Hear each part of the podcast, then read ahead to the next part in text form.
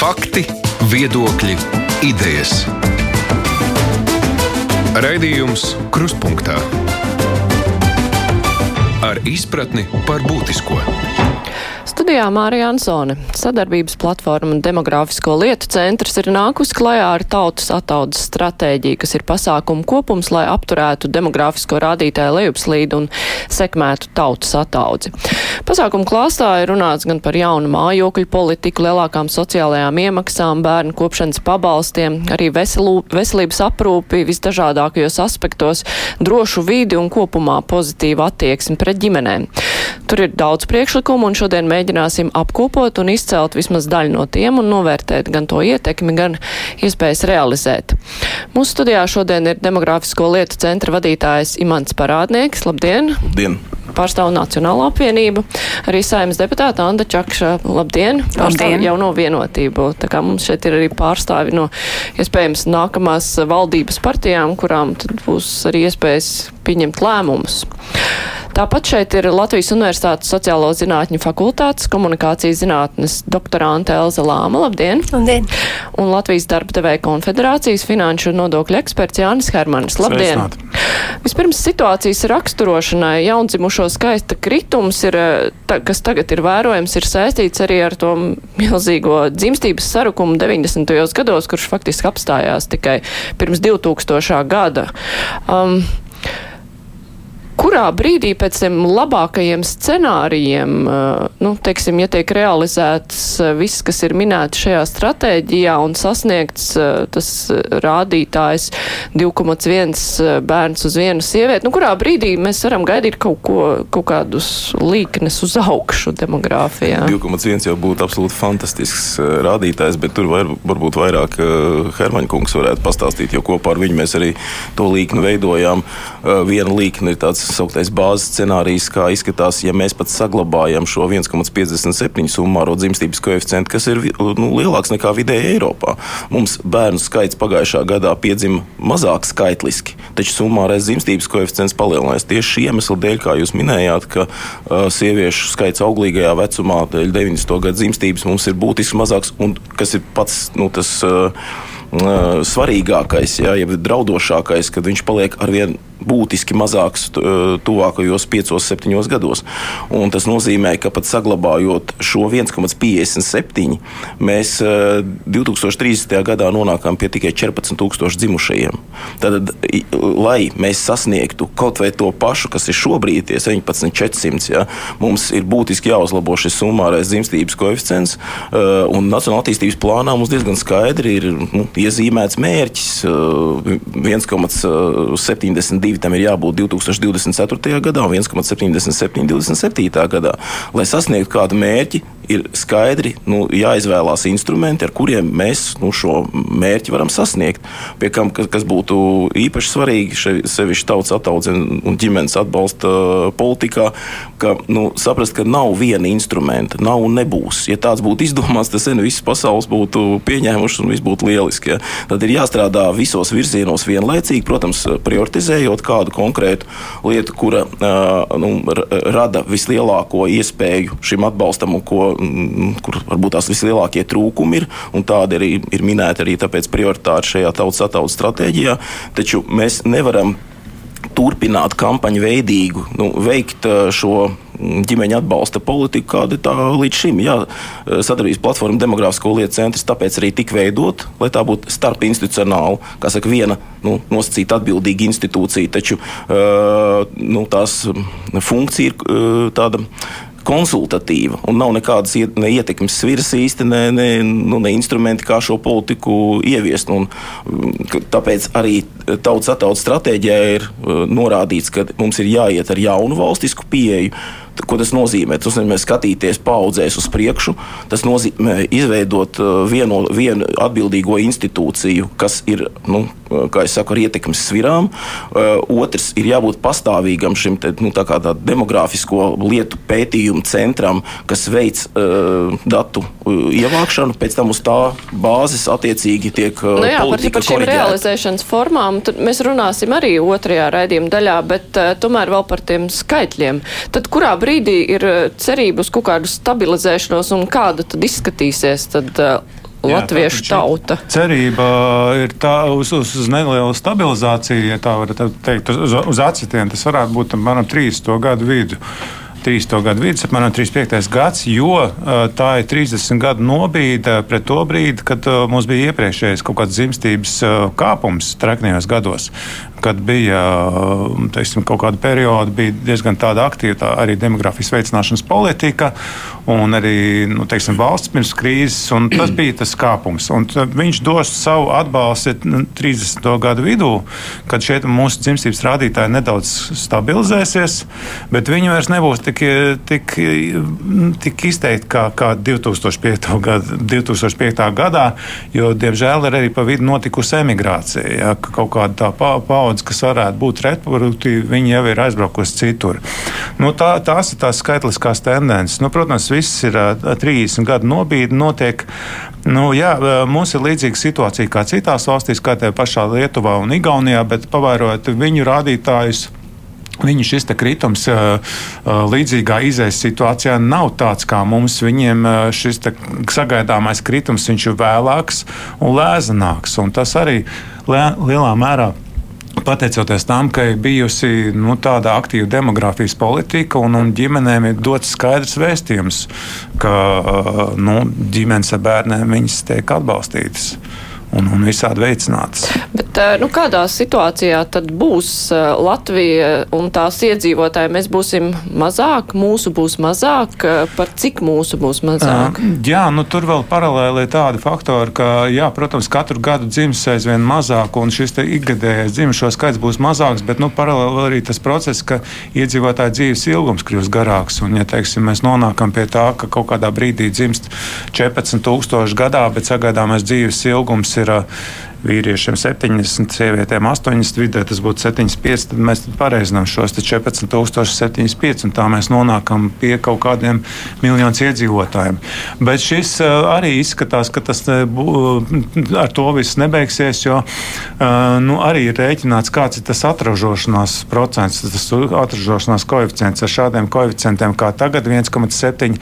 Mēs katrus 30 gadus būs dzimstības tā, tā kā pat repīta, vēl viens pakāpiens pa 30 30% zemāk ja, ja pie šādiem koeficientiem.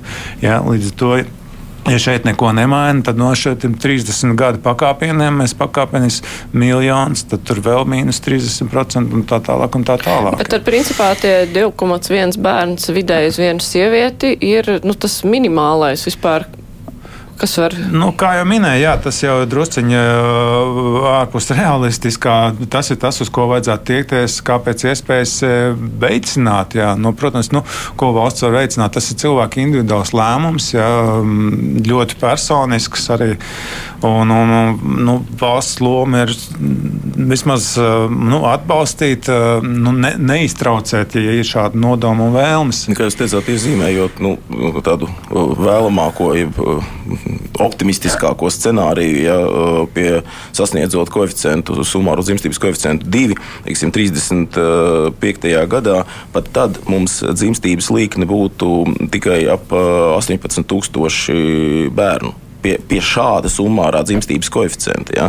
Uh, pat ar uh, sasniedzot šo 1,72 24. gadā mums būtu neliels kāpums. Nu, tātad tas būtu nedaudz vairāk kā 17,000, 17,600 apmēram. Taču pēc tam pat palielinot līdz 1,77 un tālāk 1,85. Nu, faktiski iezīmējot tādu vislabvēlīgāko iespējamo līkni, mums tik un tā dzimstība kritīsies. Tad mēs pat pie ideālu scenāriju sa sasniegsim nu, kaut kādus 18,000 pāri tikai tad, ja nu, šis, šis summārais dzimstības koeficients būs uh, tuvu ideāliem, kas ir divi. Nu, pats tiksim, nominālākais, kas ir tauts attaudzē, ir 2,05. Nu, tad, tad tas ir tas, uz ko vajadzētu, protams, tiekties, bet vēlreiz ir arī tas tautas attaudzes stratēģijai norādīts, ka, protams, ka šī mērķiecīgā atbalsta politika, lai gan pieredze ar, ar, ar bērnu būtu pozitīva, kas dod nu, iespēju domāt eh, ģimenēm par nākamo bērnu.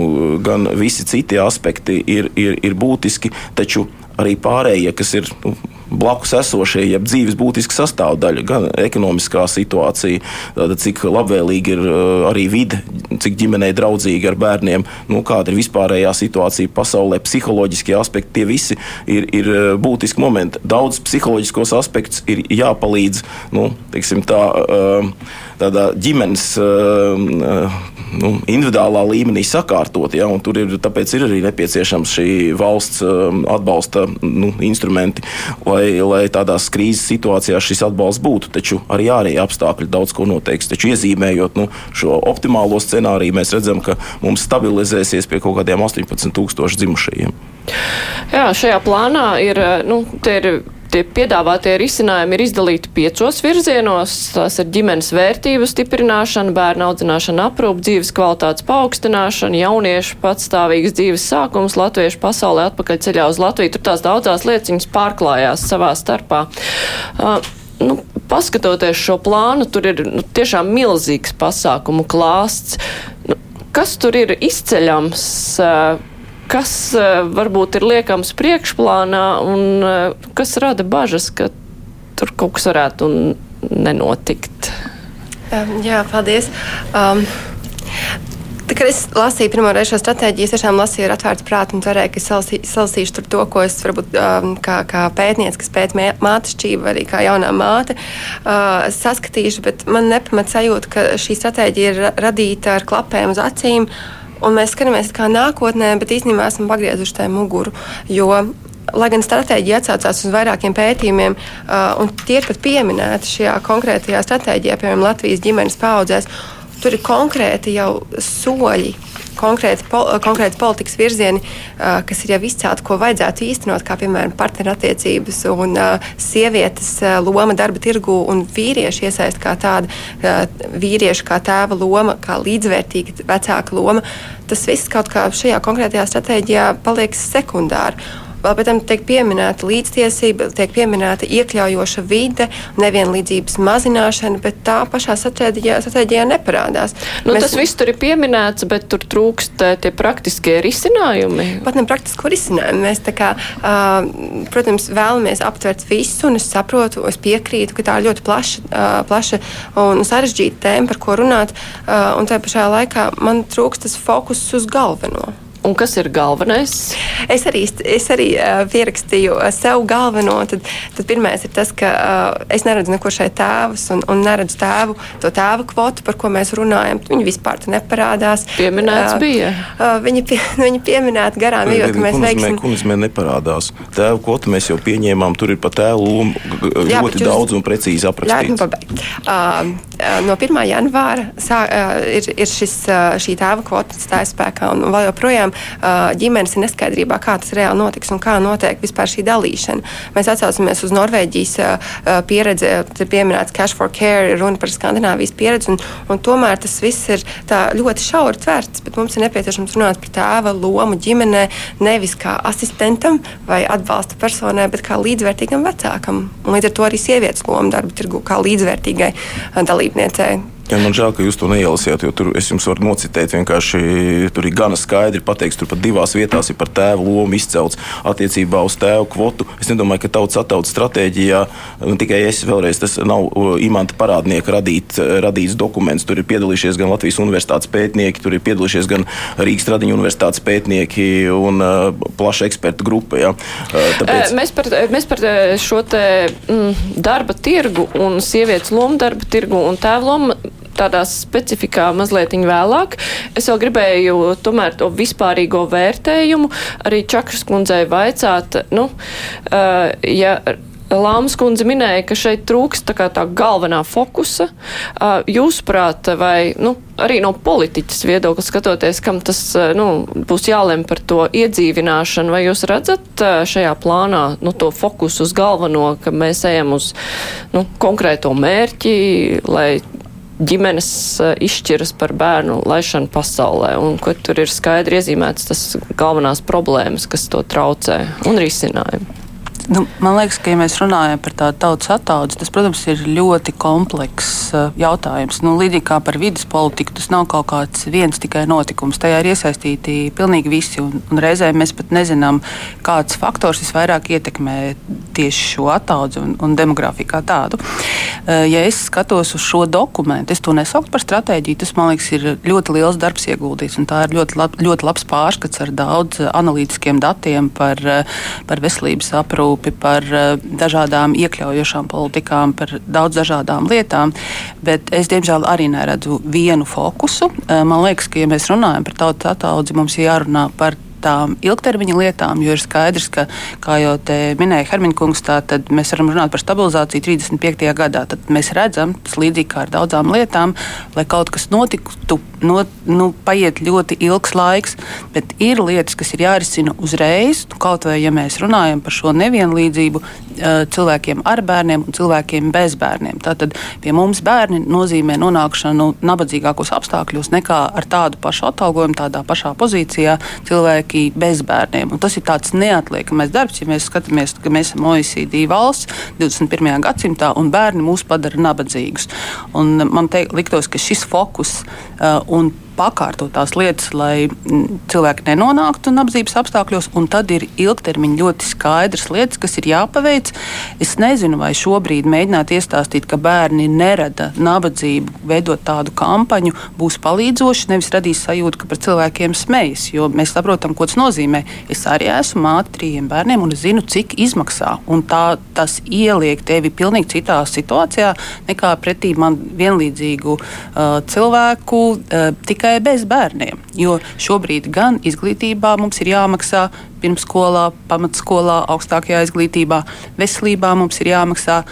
Nerunāsim par to, ka ir apkuras cenas pieaugušas un tad vajadzīgs ir lielāks dzīvoklis. Šīs problēma te nav risināta, bet tā ir neatliekama. Un tad, protams, ir ilgtermiņa stāsts. Un tur arī es neredzu šo fokusu, jo caur šiem pieciem punktiem tas ir ļoti plaši. Es domāju, dokuments ir plašs un tur ir daudz kas, bet es to nesauktu par stratēģiju. Bet tā nevienlīdzība slēpjas tieši finansiālā ziņā ziņā nu, tas, ka nu, cilvēkiem ļoti, uz, nu, viņiem ir jāuztur bērnu un viņiem tad uz vienu ģimenes locekli pamatīgi sarūk finanses. Nu, apmēram tā to var gan skatīties. finansiāli, gan mēs šobrīd eh, runājot, mēs daudz runājam par kvantitatīviem datiem, bet arī šobrīd pie bērnu skaita, kas piedzimst šobrīd, mēs redzam to atbirumu, ja tā var teikt, lai mums rastos kvalitatīvs uh, darba spēks. Jo demogrāfija ir stāsts par to, ka ir jāattīstās ekonomikai, lai būtu inovatīva ekonomika, ir jābūt labai izglītības sistēmai. Šobrīd jau 10% mums atbilst, atbilst 9. klasē, tātad neturpina tālāk izglītību. Tas ir stāsts, vai mēs jau šobrīd esošajiem bērniem piedāvājam pietiekami kvalitatīvus pakalpojumus, lai viņi kļūtu par kvalitīviem sabiedrības locekļiem, attīstītu ekonomiku, jo demogrāfija bez ekonomikas attīstības nav iespējama. Ir valstis, kur attīstās, vai jūs zināt kādu valsti, kur attīstās ekonomika bez izglītības? Jā, nu, izglītība iespējams var attīstīties bez ekonomikas, bet otrādi es neredzu inovatīvu ražošanu, ja tur nav apakšā gudri izglītoti cilvēki. Lāmas kundze. Es, es par nevienlīdzību vēlējos vienkārši papildināt. Um, ļoti viena no. Uh, uh, viena no izplatītākajiem ģimenes, nevis viens no, bet izplatītākais ģimenes tips Latvijā ir uh, viena vecāka, solo vecāka ģimenes. Tās es arī vispār neredzu. Viņas ir pieminētas stratēģijā, ka tādas ir un ka vajadzētu risinājums tam visam, bet uh, viņas arī netiek pie, uh, pieminētas. Un, protams, jādomā arī par daudz bērnu ģimenēm, un tur es pilnībā piekrītu. Bet vai tas ir prātīgi domāt par 4. un 5. bērnu politiku, ja mēs neesam tikuši galā ar tiem, kas ir ar vienu un diviem bērniem? Jo, jo tur arī parādās, piemēram, piemēram, šajā pašā dokumentā ir teikts, ka, ka pāriem ar diviem bērniem ir šīs visaugstākās mājokļu uzturēšanas izmaksas. Un, uh, savukārt tam vien, vienam vecākam ar vienu bērnu uh, vai vairākiem atkal visvairāk daļu no ienākumiem paņem tieši uh, mājokļu uzturēšana. Un tur arī rodās trafakšā ir tā nevienlīdzība. Tas, ka, uh, jā, nu, es, Es negribētu tik skaļi teikt, ka bērni rada nabadzību, bet nu, nu, būtībā tā ir. Mēs to saprotam, un bērni rada arī mīlestību un laimi. Bet uh, problēma ir tāda, ka mēs domājam atkal par kaut kādām ideālām, iluzorām ģimenēm nākotnē, nevis sniedzam atbalstu tām, kas būtu nepieciešams atbalstīt, atbalstīt šobrīd, tagad. Dokumentā ir minēts, ka nu, tie visi pasākumi, kas ir bijuši, lai stimulētu trešā bērna nākšanu, otrā bērna nākšanu pasaulē, ka tas viss ir strādājis, bet ka šobrīd nu, tās visi demogrāfijas rādītāji turas kaut cik līmenī, dēļ tā, ka ir šie trešie, ceturtie un piektie bērni un ka pietrūks tieši pirmā bērna, tad tur ir pasākumi, kas sekmē šo pirmo bērnu, jūsuprāt? Jā, un šis ir tas fokus. Man tiešām žēl, ka mēs esam lasījuši vienu dokumentu, laikam katrs skatās to caur savu prizmu, un ja neatrod tieši to, tad šķiet, ka tas tur nav vai, vai pieminēts. Gribu teikt, ka eh, tautas attautas stratēģija apakšā vēl ir ļoti daudz citu dokumenti, kur ir detalizēti viens vai otrs jautājums apskatīts. Tāpat ģimenes pirmskolas reforma, kas viens no galvenajiem uzstādījumiem un pirmajiem realizējumiem, kā jau šeit minēja, šis pakalpojums pēc eh, bērnu, sevišķi pusotra gadu vecuma un kad mamma grib atgriezties darb, darbā, kad ir, ir nepieciešams noņemt šo milzīgo problēmu, tad, tad bērnu dārza pieejamība vai auklas pieejamība, vai gadījumā, ja kāds no vecākiem izvēlas pats pieskatīt bērnu vismaz līdz trīs gadu vecumam, lai līdzīgi kā Skandināvijā, viņi saņem arī pienācīgu pašvaldības atbalstu par to. Un tas šo nevienlīdzību arī mazina. Tas dod iespēju atgriezties atpakaļ darba tirgū.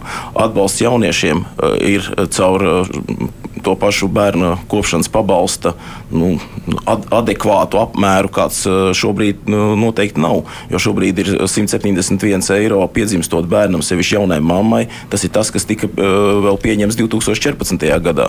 Un, uh, lai viņš būtu samērojams ar šodienas dzīves situāciju, viņš ir nu, uh, jāpiemēro kādam konkrētam objektīvam lielumam, un tas ir minimālais ienākuma līmenis. Tieši tāpēc arī tiek piedāvāts, ka šo bāzi, kas ir uh, nu, daļa no māmiņa algas, otra daļa ir uh, balstīta uz uh, veiktajām sociālām iemaksām. Šis bērnu kopšanas pabalsts būtu noteicams par divām personām maisaimniecībā minimālā ienākuma līmenī. Tie būtu 427 eiro. Un tad nāktu klāt vēl papildus tas, kas ir veikts uz sociālām iemaksām. Jaunajiem vecākiem īpašais atbalsts, un tas ir tas fokus, kas šeit viens no fokusiem, kas šeit ir, ir lai tie, kas ir pabeiguši tikko augstāko mācību, mācību iestādi, nu, vai, vai tuvākā laikā pabeigs, un ja viņiem, viņi ir iz, izdarījuši izvēli par labu bērniņam, tad eh, lai viņus nespiež eh, studiju vai studējošā kredīta nasta, piemēram. Ja? Tad eh, šādā veidā, ja mēs nespējam visiem Latvijas iedzīvotājiem nodrošināt bezmaksas augstāko izglītību, kā jau šeit izskanēja, ka tas ir īpaši svarīgi, tad mēs vismaz šādā veidā ļautu izdarīt izvēli par labu bērnam. Mēs redzam, 50% no studijas vai studējo, studējoša abu divu kredītu teiksim, kopsummas, piedzimst otrais bērns, kredīta nasta ir pavisam noņemta. Un ceturtā lieta, kas ir kā prioritāri veicama, tā ir mērķiecīga mājokļu politika. Ir piedāvāts viens no, viens no jauniem risinājumiem, tā ir māja, ģimenes māja nomā ar izpirkumu, kas uz pašvaldības zemes būtu realizējama, realizējama plaša valsts programma. Bet nu, jūs pieminējāt tos pirmos bērna gadus, par ko tad maksā šo te māmiņa algu, kur ir bērndārs jautājums jārisina, bet vai tie ir izšķirošie faktori, ja ir runa par pirmo bērnu? Vai arī tomēr cilvēkiem, kuri to visu, nu, teiksim tā, par bērnu mazajos, mazā, mazā vecumā vairāk zina, es nezinu, no žurnāliem, kur viss ir ļoti labi izstāstīts un tās pozitīvās pieredzes, vai arī tomēr viņi domā par nu, to, kā viņi to bērnu izaudzinās, vai viņam būs darbs uh, visus gadus, ne tikai pirmos trīs gadus, piemēram, vai viņam būs iespēja tikt pie mājokļa nodrošināt, jo tā ir milzīga atbildība. Tad uh, kuri faktori šie finansiālie ilgtermiņa faktori vai pirmie gadi tomēr ir Visi noteicošie? Ir vienlīdz svarīgi. Tad nav neviena mazsvarīga faktora. Un tas tiešām man žēl klausīties, ka saka, nu, tagad mums uh, vajadzētu kaut kādu fokusu, teiksim, uz to tēva lomu. Šeit ir būtiski uh, apliecināti skaidrs, ka uh, viņa pat ir izšķiroša, lai nu, ģimenes izvē, izdarītu izvēli par labu bērnam un kuplākam bērnu pulkam. Taču nebūs tā, ka ja mēs atrisināsim pilnībā mājokļu jautājumu, kad nu, tas būs uh, galvenais faktors, kādēļ viņš būs viens no faktoriem. Kā jūs teicāt, un es domāju, šeit mēs visi esam viensprāts, uh, stabils darbs, droša sa, sajūta par to, ka tu varēsi atgriezties uh, atpakaļ darbā vai iegūt uh, darbu, pat ja tu um, pēc, drīz pēc uh, augstākās mācību iestādes esi izvēlējies par labu bērnam, ka tiem, tiem visiem faktoru viņu kopums dod šo sajūtu, jā, es vēlos, es, es varu atļauties laist pasaulē bērnu, bet kā jau es es minēju, to pašu studiju vai studējošā kredīts. Nu, to arī paši studenti saka. Tā ir sajūta, kur, ka man ir jāpilda saistības. Un, nu, līdz ar to es sākumā eju strādāt, bet varbūt, kad ja palīdzot izdarīt izvēli, un tas tiešām jautājums ir par to, ko vēlas šie jaunie cilvēki. Tad, ja, ja šī vēlme ir, ir šīs stabilās attiecības, un kas ir vēl viens uzsvars, ir, kas arī pētījumos ir pierādījis, ka tieši stabilās attiecībās dzimst vairāk bērnu. Var jau runāt par partneru attiecībām, bet mums ir laulības institūts. Slēdzam, slēdzam laulības un uh, nodibinām šīs attiecības pienācīgā juridiskā formā. Es saprotu, ka šeit uh, ar atšķirīgu ideoloģisko skatījumu uzskatīs, ka uh, īpaši partneru attiecību institūts kaut ko atrisinās. Nē, mums atrisinās vismaz sāksim ar to, ka mēs varēsim piefiksēt mājsaimniecību. Mums šobrīd ir viena milzīga problēma. Mēs pat nevaram konstatēt objektīvi mājsaimniecības apmēru, kur nav svarīgi, vai viņi būtu laulāti vai nelaulāti. Taču mājsaimniecībā, kur dzīvo uh, di divi cilvēki un teiksim, trīs bērni, kur katram varbūt no iepriekšējām attiecībām kāds bērns ir nācis līdz, lai mēs mērķiecīgu valsts politiku varam uh, virzīt. Un tā skaitā pieminētie viena vecāku ģimenes arī tur, lai mēs skaidri zinām, ka šajā mājasēmniecībā mums ir viens vecāks ar vienu vai diviem bērniem, un attiecīgi mēs uh, valsts politikas atbalsta instrumentus, nu, ieskaitot nu pašvaldības, varam bet, mērķiecīgi nu, virzīt. Laulību noslēgšana droši vien to visu tāpat neatrisinās, ņemot vērā, cik mums ir daudz arī šķirto laulību skaits. Zinu, kaut kāda statistika tā var veikt, bet es tomēr gribēju atgriezties arī e, tas viens faktors, ko jūs minējāt par studējošo kredītzēšanu, e, kas arī ir viens no pasākumiem, kas orientējas vairāk uz nu, jauniem cilvēkiem, jo studē vairāk jauni cilvēki. Hermaņkungs, kā jums šķiet, vai runājot par e, dzimstības rādītāju uzlabošanu, ir jāfokusēs uz kādu noteiktu vecumu grupu? Noteikti, ka es domāju, ka, kā jau minēju, nav kaut kādas prioritārās grupas. Droši vien visos virzienos jā, jā, jāskatās vienlaicīgi. Un to jau mēs arī redzam, kaut vai minot to pašu jaunāko 20, 24 grupu. Kādreiz ap 80, 90 gadiem tā bija visproduktīvākā grupa, bet šī vecuma struktūra mainās. Tagad jau māmiņas ir 25 līdz 30 gadi, līdz 35 gadi tajā grupā. Un, un, tur, un tā, tā ir tā tendence, jā, ka teiksim, šī te bērns dzimst aizvien vēlāk, bet viņi arī nu, aizvien teiksim, vecākām māmiņām. Ja? Un, un tā ir tendence, pret ko droši vien nu, ka, ka, kas likumsakarība, ja? likumsakarība un, un, un attiecīgi, nu, jā, mēs arī redzam to, ka šobrīd tri, ap 30 gadi tas ir tas periods, tas biežākais māmiņas vecums. Ja? Un, nu, jā, minot arī par šiem šķēršļiem, es domāju, ka vien, viens no būtiskiem šķēršļiem ir šis ienākumu izmaiņas māmiņai, kas strādā Un, un, teiksim, ap 30 gadiem tas jau ir vecums, ka kaut kāda profesija, kaut kādas iemaņas. Uh, pieņemsim, viņi mājās saņem 1500 brutto algu. Es te pareiķināju, arī te parādi, tur, tur var parādīt tur tos attēlus, ja? kā, kā mainās ienākumi. Tā tad pie, pie vidējās bruto, pie brutto algas 1500, neto ro, uz rokām sanāk 1100. Uh, Piedzimts bērns, uh, tad uh, tā uh, algas vairs nav, ir pabalstis. Šī fiksētā daļa, kas ir no 14. gada 171, un tad ir mainīgā daļa 656, kopumā 827 eiro. Ienākuma kritums ir 270. Uh, turklāt, nu jā, tad vēl ir bērns uz rokām, jā, kas ir par kuru jārūpējas, un vēl fonā ir tāda lieta, ka samazinās būtiski samazinās iemaksas pensiju kapitālā, jo iepriekš šīs iemaksas bija no brutto augstas, no 1500 mūsu piemērā, tad tagad viņi no 171, tas ir 8 reizes mazāk.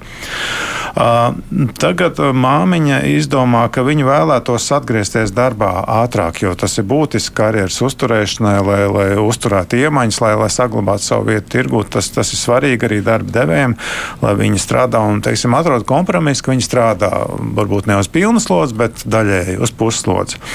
Kas notiek ar mūsu aritmētiku? Tātad viņi saņem puslodzi, pusi augu, tas būtu 620 eiro apmēram, un šos te pabalstus atkal 171 eiro, plus vēl fiks, mainīgo pabalsta daļu, kas vairs nav tie 656, bet 196. Rezultātā ir, ir kaut kāds ienākumu atgūms ja, kopumā, jo tā kopējā summa atgriežas pie 1000 eiro. Bet tur atkal ir tā, ka uh, fonā tas ir uh, jau divas. Viņi cīnās divās frontēs. Viņai, viņi ir māja, mama, teiksim, un viņa ir, ir darbs. Jā.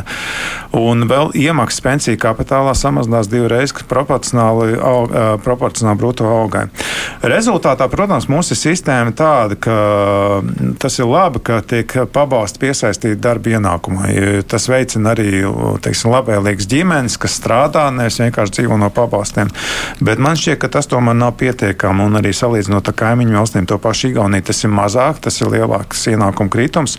Un arī viņi ir netaisnīgi minot to pašu arī pensiju iemaksu jautājumu, ja tas tik būtiski samazinās. Jo šīs tā, māmiņas, kas uzaudzina bērnus, kas nākotnē maks, uzturēs pensijas, maksās pensijas gan šai māmiņai, gan arī, gan arī tām, kam, kam nav bērnu. Un šis, manuprāt, ir netaisnīgi. Pavisam īsi. Tad, tieši tas, ko Hermaņa kungs norādīja, ja šo ģimenes bērnu kopšanas pabalsta palielinājumu mēs tieši panākam, ka pie šī pusotra tūkstoša mēs nonākam faktiski tajā pašā ienākuma apmērā, kāds bija strādājot. Savukārt, tas izmaiņas, kuras izdevās ieviest, kad nevis 30% vecāku pabalstu izmaksās turpmāk, bet 50%, kas stratēģijā gan ir apskatīts, ka arī tas ir nepietiekoši. Tāpēc ar šīm izmaiņām gan 427, gan pat 50% strādājot algas, nu, pie algas, jebkāda apmēra tiek saņemt vecāku pabalstu, tas jau to situāciju izlīdzināt. Taču tas, kas ir jādara un Igaunijā, ir, ir šī formula atkarībā no tā, cik liela alga mamma ir strādājot, nu, vai darba slodze, tas ir skatoties, kas tiek ņemts par pamatu, tad attiecīgi arī šis vecāku pabalsta apmērs uh, tiek samazināts. Tad, ja strādā ne, nepilnu slodzi, teiksim, pusaugu saņem attiecīgi, viņš ļoti maz krītās. Mums šī formula nav, un tautas attautas stratēģija norādīts, ka mums ir uh, jāvērtī šīs situācijas, un katrā gadījumā tam vecāku pabalstu uh, apmēram jābūt mainīgam atkarībā no tā, cik daudz mamma velta laiku darbam Un tad arī vecāku pabalstu kritums nevis pat strādājot nezinu, uz desmit daļu slodzi, tev uh, eh, 70% kritums, nu, uh, no 1. janvāra tie būs 50% kritums. Nu jā, tas ir eh, gadījumā, ja sievietei jau ir kaut kāda karjera un kaut kāda alga. Ja arī no sieviešu un vīriešu kā, pienākumu samērošanas viedokļa situācija jaunajai māmiņai vēl nav šīs karjeras un iespējams arī izglītības. Um, kā tad nodrošināt viņai tās vienlīdzīgās iespējas, ja viņai ir, nu, viņa izšķirās par bērnu, jo mēs zinām, ka, ja izglītības iegūšanas laikā piedzimst bērns, ir risks, ka tomēr šī izglītība netiks iegūta. Varbūt arī tiks pie labvēlīgiem apstākļiem. Kādiem tad ir jābūt šiem te labvēlīgiem apstākļiem, lai mēs varam nu, novienādot, uh, samērot sieviešu un vīriešu atbildības tajā brīdī, kad parādās Jā. bērns.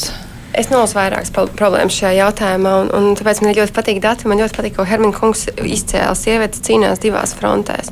Tas ir tas uh, otrā, otrā slodze, kas ir sievietēm vēl projām mājās. Uh, Eiropas Savienībā vidēji tās ir 19 stundas nedēļā, ko sieviete uh, pēc pilnas slodzes darba vēl iegūda mājās, un tas ir divreiz mazāk nekā vīrietis. Un, un par Latvijas situāciju un, man interesē arī nu, vēsturiski, kā tas ir attīstījies. Padomu laikā bija ļoti līdzīgi kā nekas super nav mainījies. Bet senāk, tad, tad sieviete ir tā pilnā slodze, un viņa atnāk mājās un, un turpina to darbu. Un, un atkal mēs runājam par, par, par māmiņa algām un, un, un par, par māmiņas pienākumiem un tam līdzīgi. Bet te ir tā problēma, ka nav tās vienlīdzības un līdztiesības. Jau no paša sākuma vajadzētu būt tā, ka abi vecāki gan, gan rūpējās par, par bērnu, esot mājās ilgāku laiku, ne tikai desmit dienas vai tos, to vienu mēnesi vai divus mēnešus, ko mēs tur beigās laikam izcīnījām. Bet tas ir līdzvērtīgs laiks. Un, un, un pēc tam domājot par to, kas, kas būtu atvērts tiem pirmajiem bērniem, šajos pašos pētījumos ir teikts, man nav jāizdomā no, no galvas. 18. gada Latvijas ģimenes paudzēs liels pētījums, kas saka, ka, ka tā atvērtā uh, sieviete bērniem ir vismaz 28 gadus veca ar augstāko izglītību un visticamāk dzīvojoša Rīgā, kur strādā. Un, kā Hermina kungs ir ir ilgstošais apmēram tik daudz arī saņem. Līdz ar to es nesaprotu, kādai mums būtu tik ļoti jāspiež jaunieši uzreiz pēc skolas uh, pabeigšanas mesties dzīvē, pat neuzzinot, kas viņi paši tādi ir, nesaprotot, kur, kur iet, kādu karjeru izvēlēties. Drīkst saprast, ka mums jāspiež. Kurš spiež? Nu, šobrīd ir tā, ka Labi, es atvainojos, mēs nespiežam, mēs paldies. ļoti veicinām. À, tad ā, veicināt, jūsuprāt, ir slikti. Manuprāt, tas, kas valsts uzdevums kāds ir, ir ko arī noformulējis ir Zviedrijas ministrs, un to Ilmārs Mešs bieži vien citē, ka lai katrs cilvēks var, vēl, var atļauties tik daudz bērnu, cik viņš vēlas, un tajā brīdī, kad viņš to vēlas. Un es domāju, gan jau gan vīrietis, gan sieviete, gan viņi kā ģimene paši labāk izlems, kurā brīdī viņi to varētu gribēt. Taču nevar būt valsts politika tāda, kas, ja, viņi, ja šī ģimene, šie jaunie cilvēki vēlas bērnus, viņi nevar to atļauties. Šobrīd bērnu kopšanas pabalsts tieši tāds arī ir, bet attiecībā uz uh, jaunajiem vecākiem nu, arī tas s- stereotips, ka v- varētu nu, neiegūt pēc tam izglītību. Ja mums būs precīzi atbalsta instrumenti, tādā gadījumā noteikti izdarīs izvēli par labu šai izglītībai, jo tas ir nākotnes nu, izaugsmas un, un iespēju, iespēju nu, stūrakmens. Nu, piemēram, divi, uh, kas ir aprakstīti šeit tieši jaunajiem vecākiem, ja viņi vēl nav paspējuši iegūt augstāko izglītību vecumā līdz 25 gadiem, uh, kopš pagājušā gada ir ieviesa stipendiju studēt gods, kas arī ir uh, man institīva saistībā ar ģimenes valsts pabalstu reformu. Un tagad šī sociālā stipendija 1600 eiro apmērā pienāks jauniešiem no daudzbērnu ģimenēm, bēr, bērniem ar invaliditāti kopš bērnības vai bāriņiem. Līdz 25 gadiem jaunajiem, jaunajiem vecākiem arī varētu būt šāda stipendija. Tad viņš varbūt nav, nebija vēl iegūmis augstāko izglītību, bija mm, pēc vidusskolas, varbūt vienu kursu tik nomācījies. Varētu būt šī stipendija. Otra lieta, ja pieņemsim, nomācījies ir jaunietis eh, vienu, um, vienu gadu, un pirms tam ir bijis valsts budžeta vietā. Piedzimis bērniņš, eh, ja tagad pēc pusotra gada vai nākamā gadā vēlas atgriezties atpakaļ, viņš varbūt nevar atļauties vairs iet pilnu laiku klātienē, lai iet nepilnu laiku klātienē, bet lai šī valsts budžeta vieta viņam saglabājas. Šie divi precīzi atbalsta noteikti instrumenti, nu kas nu, jā. palīdzētu izdarīt šo izvēli. Nu, jā, bet tā, tā jau galvenais stāsts bija par to, lai būtu līdzvērtīgas iespējas gan māmiņai, gan tētim, lai nebūtu tā, ka viens ir tas galvenais bet, vilcējs protams, ar bērnu un pēc tam pamet savu izglītību novārtā. Bet, protams, tad, tad, tas ir šī ir viena no, vien no instrumentiem, bet vēlreiz es saku, nu, e, tas tā plejāde ar to, ar, nu, šiem atbalsta veidiem, tā skaitā, lai mēs e, nu, mudinātu vairāk tēvus iesaistīties, jo šobrīd ir tā, ka e, 89% 40%, kas izvēlās uh, šo periodu līdz, līdz bērna pusotra gada vecumam, pāri izvēlās uh, līdz gada vecumam. Tur nu, pamatā ir vairāk kā de- 90% ir eh, sievietes, 95%. Jā, nu tas, nav, tas nav, protams, tas rādītājs, varbūt tās, ko gribētu sasniegt, pie kam, kas vēl ir interesanti, ka tikai 1,1% gadījumu vecāki pamaina šo vecāku pabalstu saņēmēju loku. Tātad viena daļa, tikai 1,1% šobrīd ir tie, kas uh, sākumā varbūt saņēma mamma, nu, teiksim, zīdīšanas periodā, pēc tam uh, pārņēma šo mm, lomu tēvs tas, tas, tas ir nesamērīgi mazs re, eh, rezultāts. Ja? Ar šo tēvu kvotu, kur mums vēl izdevās eh, pagarināt vienu mēnesi šim bērnu kopšanas atvaļinājumam, lai būtu iespēja arī vienu mēnesi eh, varbūt kopā pavadīt abiem vecākiem, lai tas vecuma periods, pusotrs gads, kurā brīdī jau pašvaldībai iestājas pienākums uh, parūpēties par to, lai būtu pieejama pirmskolas izglītības uh, vai nu iestāde vai nu mm, bērnu uzraudzība. Ja, tad, uh, tas, tas bija tas, kas, manuprāt, ir jau liels panākums no 1. janvāra. Taču ar, ar to vien nepietiek, lai mēs visu laukumu noklātu. Nākamais solis ir darba tirgus. Viena lieta ir izglītības iegūšana, nākamais ir darbs.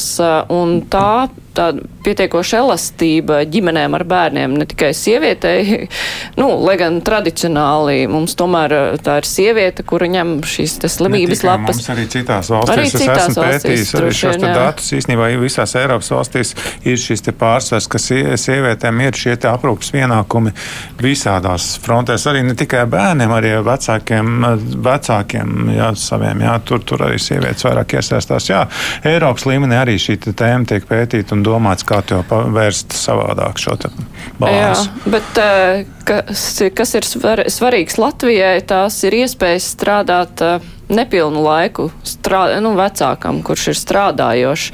Mūsu darba tirgus ir pietiekoši piemērots, īpaši ņemot vērā, kādas ir nu, pēdējās nodokļu reformas bijušas, eh, kad darba devējiem nu, nav īpaši izdevīgi turēt darbinieku uz nepilnu slodzi. Es domāju, te lielā mērā ir, ir saistīts arī ar attieksmi pret, man liekas, līdzīgi. Mums ir dažādas politikas par cilvēkiem ar īpašām vajadzībām, reizēm man liekas, ka arī bērns ir īpaša vajadzība. Jo tas nozīmē, ja tev ir darba ņēmējs, kuram ir mazs bērns, tas nozīmē slimības lapas, tas nozīmē kaut kādi nepadarīti darbi, un darba devējam nav interese ņemt tādu cilvēku, uz ko viņš ne līdz galam var būt paļauties pilnos 100%. Jo mēs arī redzam, ka reizēm jaunām sievietēm ir grūtības atrast darbu tieši tādēļ, ka viņas tiek ieliktas kategorijā, tāpat tās tūlīt aizies dekrēta atvaļinājumā. Man liekas, ka tā ir tāda viena attieksme, kas būtu jāmaina. Un tas jautājums ir, kā ar to strādāt. Es teiktu, ka noteikti būtu nepieciešama šī fleksibilitāte, lai var šī daļas slodze būt un tā būtu izdevīga, lai sieviete nezaudē savu kvalifikāciju Jo aizējot dekrēta atvaļinājumā un pēc tam, nu, teiksim, besot ar mājās ar bērnu divu gadu, mūsdienu pasaulē tas ir ļoti ilgs laiks, lai uzturētu savas kompetences. Un, ja ir vēl vairāki bērni, teiksim, pēc kārtas, tad pēc tam viņas neatgriežas darba tirgu. Un, man liekas, ka tur tie mehānismi nav šobrīd pietiekami nodrošināti, lai uh, sieviete saglabātu savu kvalifikāciju un varētu laicīgi atgriezties darbā. Bet kā ieinteresēt darba devēju par to domāt? Ļoti grūts jautājums. Es domāju, tas ir saistīts ar eh, sabiedrības kopīgo izglītības jautājumu. Tādēļ man liekas, ka lielā mērā tas ir, kāpēc tas ir tik ilgs process, ka jau no skolas laika par tādām vienlīdzības lietām mēs ļoti maz runājam, ka atbildība ir abās pusēs. Tad neienāk prātā, teiksim, ka tādu jaunu sievieti varētu neņemt darbā, vai māte ar maziem bērniem neņemt darbā, vai tieši tāpat tās cilvēki ar invaliditāti neņemt darbā. Uh, es domāju, ka tas ir izglītības jautājums kopīgi sabiedrībai. Tas tāds sabiedrības uh, no attīstības jautājums. Lāmas kundze ir kaut ko tādu? Es, es tikai papildināju to, ka, jā, ka viens ir tas, ka sabiedrības kaut, kāda, tie, kaut kādas vērtības un arī dzimumu lomas, kas, kas mums arī, protams, ir ļoti tradicionāls un konservatīvs, bet tas, kas parādās datos, arī, ka, ka katra jaunā paudze ir vien atvērtāka un vairāk uz to līdztiesību. Tāpēc es domāju, mums nav jābaidās, ka jaunie tēvi, viņiem vajag, viņus vajag veicināt ne tikai tos divus mēnešus, bet vairāk mēnešus. Līdz ar to arī darba devējs sapratīs, ka arī jaunais tēvs var aiziet bērnu kopšanas atvaļinājumā. Arī ne tikai sieviete reproduktīvajā vecumā, bet arī vīrieti reproduktīvajā vecumā. Un tas ir normāli, ka dzīve nav tikai darbs, dzīve ir arī ģimene. Un, un, līdz ar to man liekas, ka mēs runājam par vienu un to pašu visu laiku, tikai citādi saprotam tās lomas un, un ko mēs vēlamies panākt. Tos instrumentus mēs izvēlamies citādus. Uh, un, un, jā, tas bija tas, ko es vēlējos pateikt. Vai nav arī tā, ka teiksim, ir pāris piedzimts bērns, un tad eh, ģimenes sapulcs, kurš iestāja atvaļinājumā. Un droši vien, ka lēmums ir pa labu tam, tas atkarīgs no ienākumiem. Kuram ir lielāki ienākumi, tas paliek darbā. Jā, es atceros, ka uh, nu, tas, protams, noteikti ir viens no iemesliem. Un, un tas arī parādās gan, gan, gan tas, ka mums ir tas gender pay gap un, un tas, mm -hmm. ka mhm. sievietes saņem mazāk. Un, un es saprotu, ka bija šīs diskusijas par, tā, par to tēvu kvotu un neskādēļ uh, izskanēja viedoklis, ka mēs šādā veidā darām pāri ģimenēm. Ar to, ka tēviem jāiet arī bērnu kopšanas atvaļinājumā, mēs darām pāri ģimenēm ar to, ka saņems mazāk naudas tos divus mēnešus, bet neviens kaut kā nepadomāja par to, ka uh, arī sievietes saņem šo, šo šos maz, šo, šo sa, samazinājumu savā, savā atalgojumā, un tas parādās uh, bērnu kopšanas pabalstā. Un, un, un bija arguments, ka darba devēja nesapratīs, ka vīrietis ir divus mēnešus projām no, no, no darba, un, un viņš taču nesagaidīs, bet neviens nav domājis skaļi teicis par to, ka arī sievietes nesagaida. Mums ir burvīgs darba likums, kas neļauj atlaist sievieti bērnu kopšanas laikā, uh, arī grūtniecības laikā, bet tas reāli notiek. Un ar to ir. Mm. Tieši tāpēc um, arī tika ieviesta tāda plaša programma, ko tagad realizē sabiedrības, sabiedrības integrācijas fonds ģimenē draudzīga darba vieta. Nu, ir pirms tam bijis ģimenē draudzīga pašvaldība, arī tā ļoti labi funkcionē uh, un vēršas plašumā, lai tā ir tāda prestiža lieta. Nu, es teiktu, pat vienkāršāk goda lieta katram uzņēmumam būt ģimenei draudzīgam. Bet tas tiešām strādā, tā. jo ir, protams, lielie uzņēmumi, arī starptautiskie uzņēmumi, kuri ar to lepojas. Tajā pašā laikā mums ir ārkārtīgi daudz darba devēju, nu, kuri varbūt vienkārši nevar atļaut atļauties. Jā, tā lieta, ir... tāpēc tā ir valsts programma, kur atšķirībā no citām valstīm, piemēram, Vācijā, lai dabūtu šo statusu, ir jāmaksā. Somijā, kurā jau uh, vairāk kā desmit gadus tiek realizēta šī programma, tur palīdz pa maksu nu, kļūt ģimenei draudzīgu, šo statusu iegūt. Mums tā nav. Mums ir, ir viss tiek viss darīts pat vismazākiem uzņēmumiem, ar, ar maz, dažiem darbiniekiem, tikai parādot arī, ka reku šajā kategorijā tev nav sarežģīti iegūt šo ģimenei draudzīgo statusu. Tiek veidot semināri, lai to labo praksi arī parādītu. Bet vēl viens tikai instruments attiecībā uz to atbalstu, kas varētu būt um, darba devējiem, nu, kas arī stratēģijā ir minēts. Piemēram, ka uh, tie biežie gadījumi, ka mamma dodas uh, bērnu kopšanas atvaļinājumā, un skaidrs, ka darba devējiem man arī savulaik esot darba devējiem, nu, vienmēr bija tā, ka tev jāņem ir kāds cilvēks uz laiku, un tev prasa kaut kāds nu, investīcijas, jā, lai kamēr tu uh, apmāci viņu. Un, protams, ka tās izmaksas tev uh, palielinās. Nu, labi, man, man vadot uzņēmumus, pats daudz bērnu tēvs, tad es ļoti draudzīgs biju, bet es pieļauju, ka ne visur tā ir. Un tad viens no, no instrumentiem varētu būt tāds, ka, piemēram, vai tas ir pirmo mēnesi, vai varbūt pat divus mēnešus valsts darba devēja vietā veikts šīs valsts obligātās sociālās iemaksas par šādi pieņemto darbinieku uz laiku. Nu, piemēram, viens no instrumentiem. Varbūt ir citi instrumenti, bet tur jau tā lieta, un kas ir pats svarīgākais, nu, arī šīs tautas attautas stratēģijas apspriešanā, uz ko es aicinu nu, katru. Ne, nevis kritizēt, ja kaut kas varbūt nav saskatīts, ko pieliekam klāt. Kas ir tas, kur mums vēl būtu nepieciešams kāds atbalsta instruments vai varbūt kāds pētījums, lai mēs padomātu pēc tam kopīgi balstoties šajā pētījumā, kā mēs vislabāk šo mērķi varētu sasniegt. Tad, tas kas mums ir jādara, mums ir visai sabiedrībai jāapzinās, ka tas ir mūsu valsts nākotnes jautājums. Tieši tāpēc arī šis stratēģijas nosaukums ir ģimene Latvija 2030, 2050 atjaunojamies. Mums ir jāspēj skatīties paudzēs uz priekšu. Šodien, 22. gadā, mēs veidojam Latviju 50. 50. gadā. Kāda, kāda būs, cik būs cilvēki, kuri veidos Latviju vēl pēc 50 gadiem?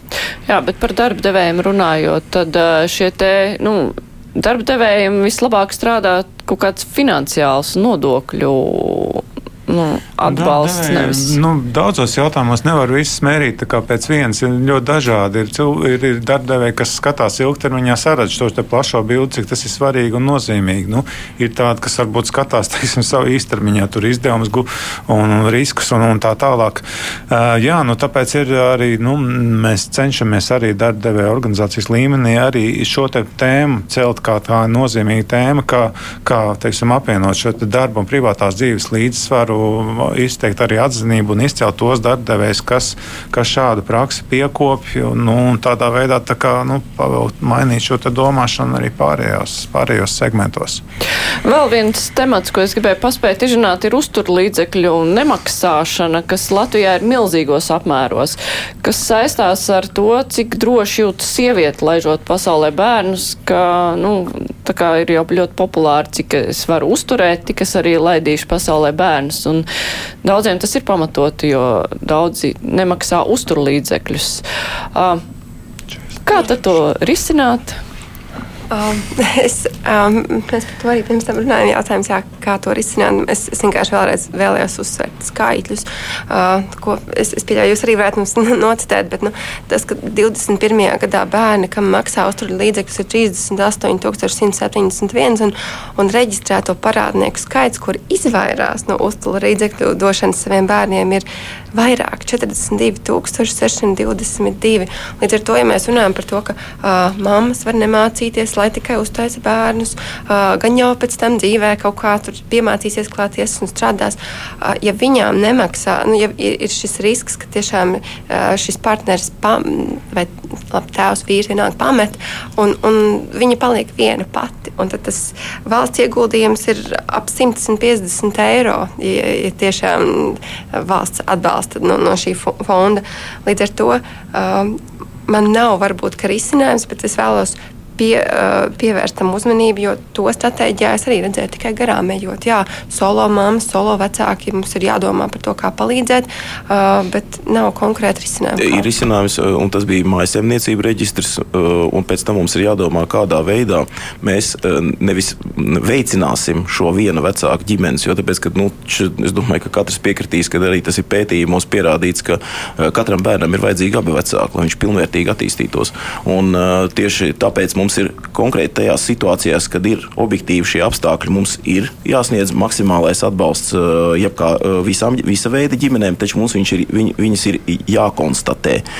Šobrīd mēs pat īsti nevaram konstatēt, mēs nevaram veidot tādu politiku, tas būtu pilnīgi greizi, ja mēs veicinātu kļūt par viena vecāka ģimenēm. Un arī šis ir tas risks, tieši tāpatās kā risks attiecībā uz vecāku pabalstu lielāku izmaksu. Mēs nevaram atļauties, ka ģimenes pēc tam kaut kādu iemeslu dēļ, tik tāpēc, nu, zinām, iemeslu, lai um, tajā brīdī, kad viņi rūpējas par bērnu līdz pusotra gada vecumam, saņemtu lielāku kopējo valsts atbalstu, tēvs faktiski izvēlās strādāt saņemt vecāku pabalstu, un māma tāpat laikā pēc, faktiski rūpējās par bērnu, bet viņi pat ir sociāli neapdrošināti. Tie ir tie riski, kas visi ir jāņem vērā, lai mēs šo sistēmu sakārtojam, lai viņi ir sociāli atbildīgi un vienlaikus sasniedzam šo mērķi. Kā, tur nav, nav tā, ka nu, mēs tagad varam uh, pieņemt lēmumu, maksāt vecāku pabalstu atkarībā no no tā, cik daudz uh, saņem atalgojumu vai cik liela ir slodze, jo atalgojums parasti arī apliecinās to uh, slodzes apmēru, tad, uh, ja mēs ne, neskatīsimies vēl šo faktoru, vai nav tā,